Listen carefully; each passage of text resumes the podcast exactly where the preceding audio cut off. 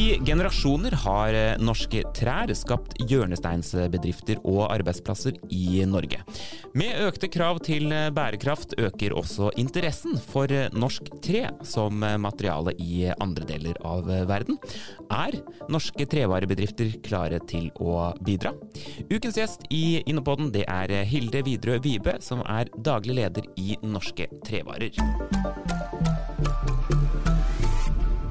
Velkommen til oss, Hilde. Veldig hyggelig å ha deg her. Takk skal du ha. Veldig hyggelig å få komme hit også. Ja, og du sitter sammen med Håkon Haugli, administrerende direktør i Innovasjon Norge. Velkommen til deg også, Håkon. Hyggelig for meg å være her, og veldig hyggelig å være sammen med Hilde. For vi har jo faktisk vært kolleger sammen. Ja, dere kjenner hverandre fra før av. I helt andre roller. Ja. ja. Men nå, Hilde. Eh, nå er du direktør i Norske Trevarer. Hva er det? Ja, vet du, jeg må jo ærlig innrømme at når jeg starta den jobben her 1.10 i fjor, så var jeg heller ikke så veldig klar over hva norske trevarer var. Og Nei. jeg tror det er veldig lett å misforstå. Det kan jo høres ut som at vi driver med foredling av tre. Ja. Det gjør vi ikke. Vi driver på med innredning av tre. Sånn at Norske trevarer, det er snekkeren som gjør alt det innvendige arbeidet. Og så har du byggmesterne, som er tømreren, som gjør den utvendige jobben. Så mine medlemmer de lager rett og slett vinduer, dører, trapper, og alt mulig av kjøkken, eh, møbler eh, av tre. Ja, riktig. Hva er liksom målet deres?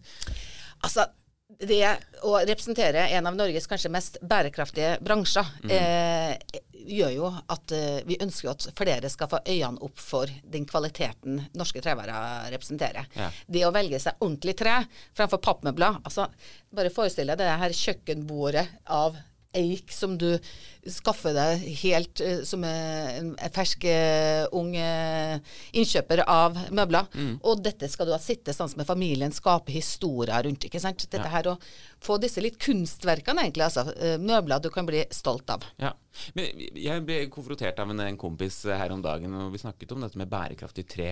Altså, sånn, hvorfor, hvorfor, er det så bærekraftig? Hvis vi hogger ned så mye skog, blir det da bærekraftig i lengden? Altså, jeg tror ikke Norges problem er at vi er for lite skog. Eh, heller tvert imot. Det er, eh, men vi har eh, kanskje ikke så eh, mangfoldig skog som vi burde ha hatt.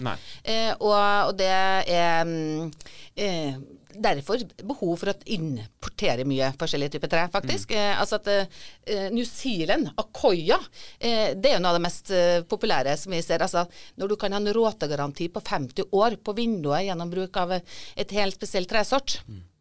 Så det er ingenting som kan konkurrere med det, rett og slett. Så det er bærekraftig også fordi det da holder seg lenge? Er det det som dere er altså, opptatt av? alle er jo litt smålate, ikke sant. Slik at det å ha redusert vedlikeholdsarbeid på ting, mm. det tror jeg er attraktivt eh, for mange.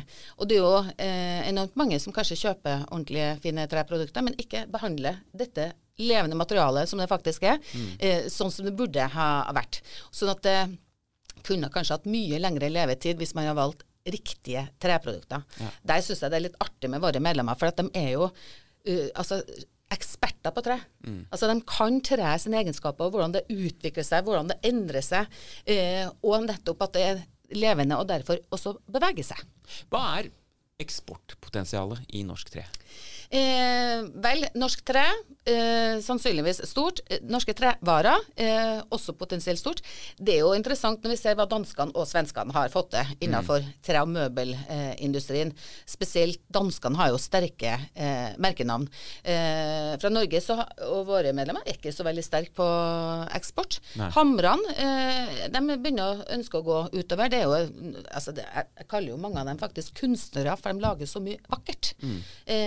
Eh, og vi har en trappeprodusent oppe i Eide oppe i Møre og Romsdal mm. eh, som eh, produserer og sender mye til Tyskland. Fått internasjonale priser eh, faktisk for eh, sine trapper. Det er jo litt morsomt. En sånn eh, snart pensjonist som har sånn litt sånn pippi-filosofien, det har vi ikke prøvd før, så det får vi helt sikkert til. Håkon, det er jo veldig spennende å høre så mye om, om tre, og det er noe vi også satser på. Kan du si litt om hvorfor vi gjør det? Og på hvilken måte, egentlig? Ja, Det er veldig lett å bruke store ord om ja. tre, fordi, og alle disse klisjeene da, som at uh, tre kan bli den nye oljen, og alt som kan lages av olje, kan lages av tre, de er sanne. Ja. Mm. Så er det sånn flere grunner da, til at dette er viktig. og Norske trevarer har noen veldig interessante sånn, tangeringspunkter da, med andre næringer som inngår i et, en helhet. Én ting er design- og ferdigvareindustri. Norge har potensial for å eksportere design, eh, eller kunstverk, da, for å bruke Hildes begrep, i mye større omfang enn vi gjør nå. Det krever en helt annen kommersiell tilnærming enn det vi har i dag. Så det er liksom ett punkt. Det andre er en helhetlig verdikjede for tre. Altså Norge har historikk. altså Det er jo sånne hjørne... Vi burde kanskje kalle det hjørnetrebedrifter eh, i hele landet. De skaper eh, sysselsetting og bidrar til eh, livskraftige lokalsamfunn og utnytter en fornybar naturressurs og skaper verdier. Det er enormt viktig i seg selv selv. I tillegg er disse bedriftene med å skape da, et, et økosystem som det er all grunn til at vi nå eh, satser på, på, videre.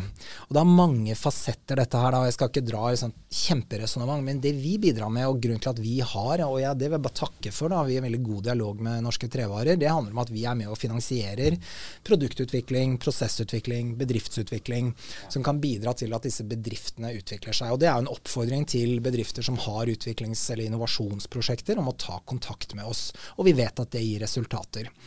Men i det store bildet så ønsker vi jo og tror at tre kan være en av de, en av de, et av de områdene vi kan leve av i Norge fremover.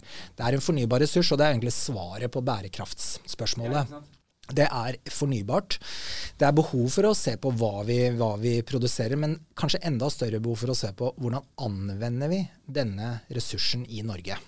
Og det er mange anvendelsesområder, men hver dag går det store, store eh, jernbanelass med norsk trevirke til Sverige for å bli prosessert der.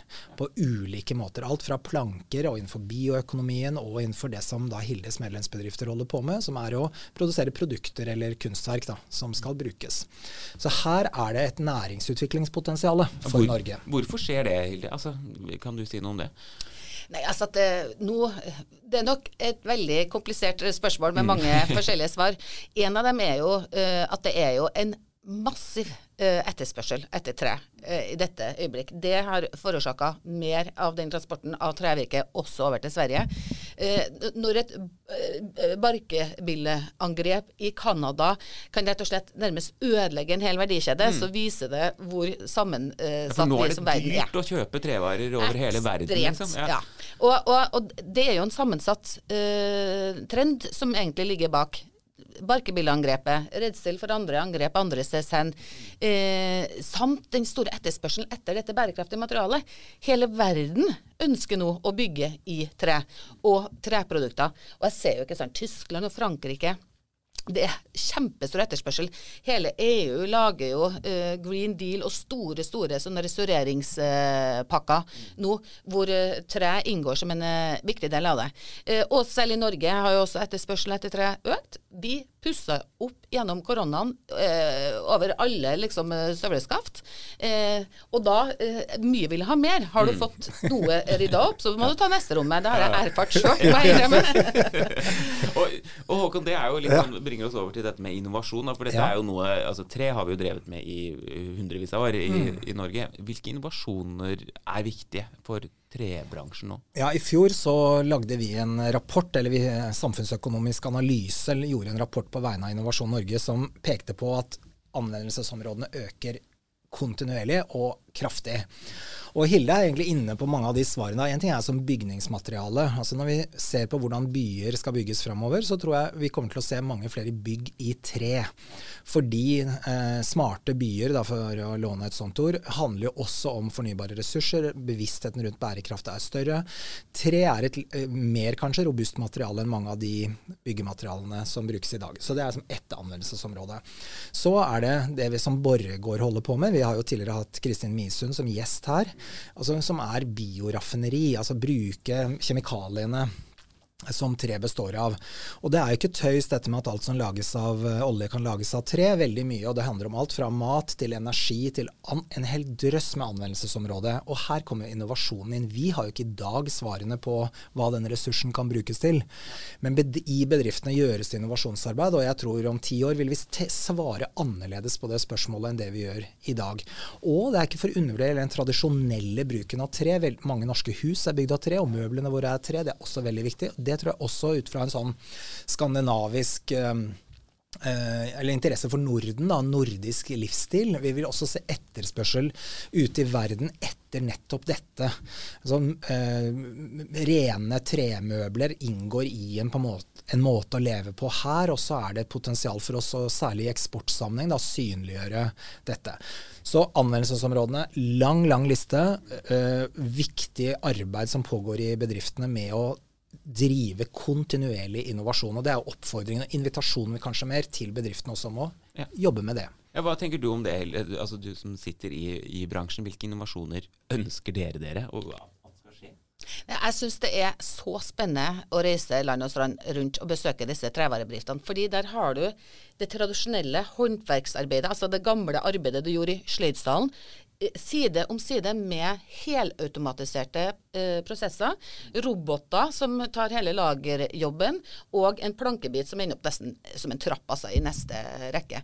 Eh, og jeg sier jo at de, det er helt, helt nødvendig å investere i automatiseringsprosesser for at du skal få ned kostnadene. fordi det her er jo ganske eh, mennesketungt eh, arbeid. Det er mm. mye mm. som går til eh, lønninger. Eh, var det og, sånn robotisering, for ja, rett og slett robotisering. Altså, jeg var hos Grande. De hadde skaffa seg en Trine som tok hele lagerjobben. ikke sant? Ja. Så du tar unna mye av det tunge arbeidet, men også det arbeidet som maskiner kan gjøre bedre, raskere og billigere enn en mennesker. Og jeg syns det er morsomt å se på eh, Bare et eksempel. Vi har en pris vi deler ut til våre medlemmer, Det Gylne Sagblad. Christer Moen fra Innovasjon Norge er med ja. i juryen. Når vi så gjennom de som var nominert, tror syv av ni hadde fått støtte fra Innovasjon Norge på et tidspunkt. Omstilling er en av kriteriene de får. Så disse her har på et tidspunkt gjort investeringer, gjort prosjekter som har, eh, som har gjort dem i stand til å levere bedre og mer eh, i dag. Eh, det er jo omstilling som tar tid, så du må nødt til å ta noen sjanser. Det er jo familieeide bedrifter, så det er jo ikke eh, slik at de sitter på masse penger. Eh, men de gjør sakte, men sikkert omstillinger, og med god støtte av Innovasjon Norge. Og dette her vil jo jeg jeg bruke veldig mye av min tid å oppfordre flere til. Her ligger det potensial for å få enda bedre lønnsomhet inn i framtida. Hvilke bedrifter tenker du da, Håkon, kan gjøre disse omstillingene og, og lykkes med det? Alle. Ja. Veldig hyggelig at Hilde nevner Christer. Han er jo på en måte virtuelt til stede nærmest i dette studio. Han ja. Eh, er jo en av våre eksperter på dette området. og I tillegg jobber jo våre regionkontor i hele landet veldig tett på næringen. og Det er jo ingen begrensning her, men det krever jo en vilje da, og for så vidt evne til å gjøre de investeringene som er nødvendige. Det vi gjør er å bidra med noe risikoavlastning, men det er jo bedriften selv som tar det tyngste løftet. Men dette med automatisering er superviktig. Her har jo Norge en god tradisjon. Da. Vi er fordi vårt høye kostnadsnivå har vært som det har vært. Så har bedriftene i alle næringer egentlig vært innovative, men nå kommer ny teknologi, og det å henge med der, da, kunstig intelligens, altså Trine, roboten Trine, da, kan bidra til at dette blir stadig mer, en stadig mer lønnsom næring også, og mer bærekraftig. Også mindre svinn er også et viktig poeng her. da. Mye av denne fornybare ressursen den, den kaster vi bort fordi vi har avskjær og kapp og osv., og, og den kan anvendes på andre områder. Og dette med sirkulærøkonomi er jo også en viktig et stikkord her. Hvordan kan vi bidra til at det som er avfall avfall i en del av prosessen blir en ressurs i en annen. Mm. Det er også utviklingsarbeid som pågår, og som vi kan bidra til å støtte. Er du enig i det, Hilde?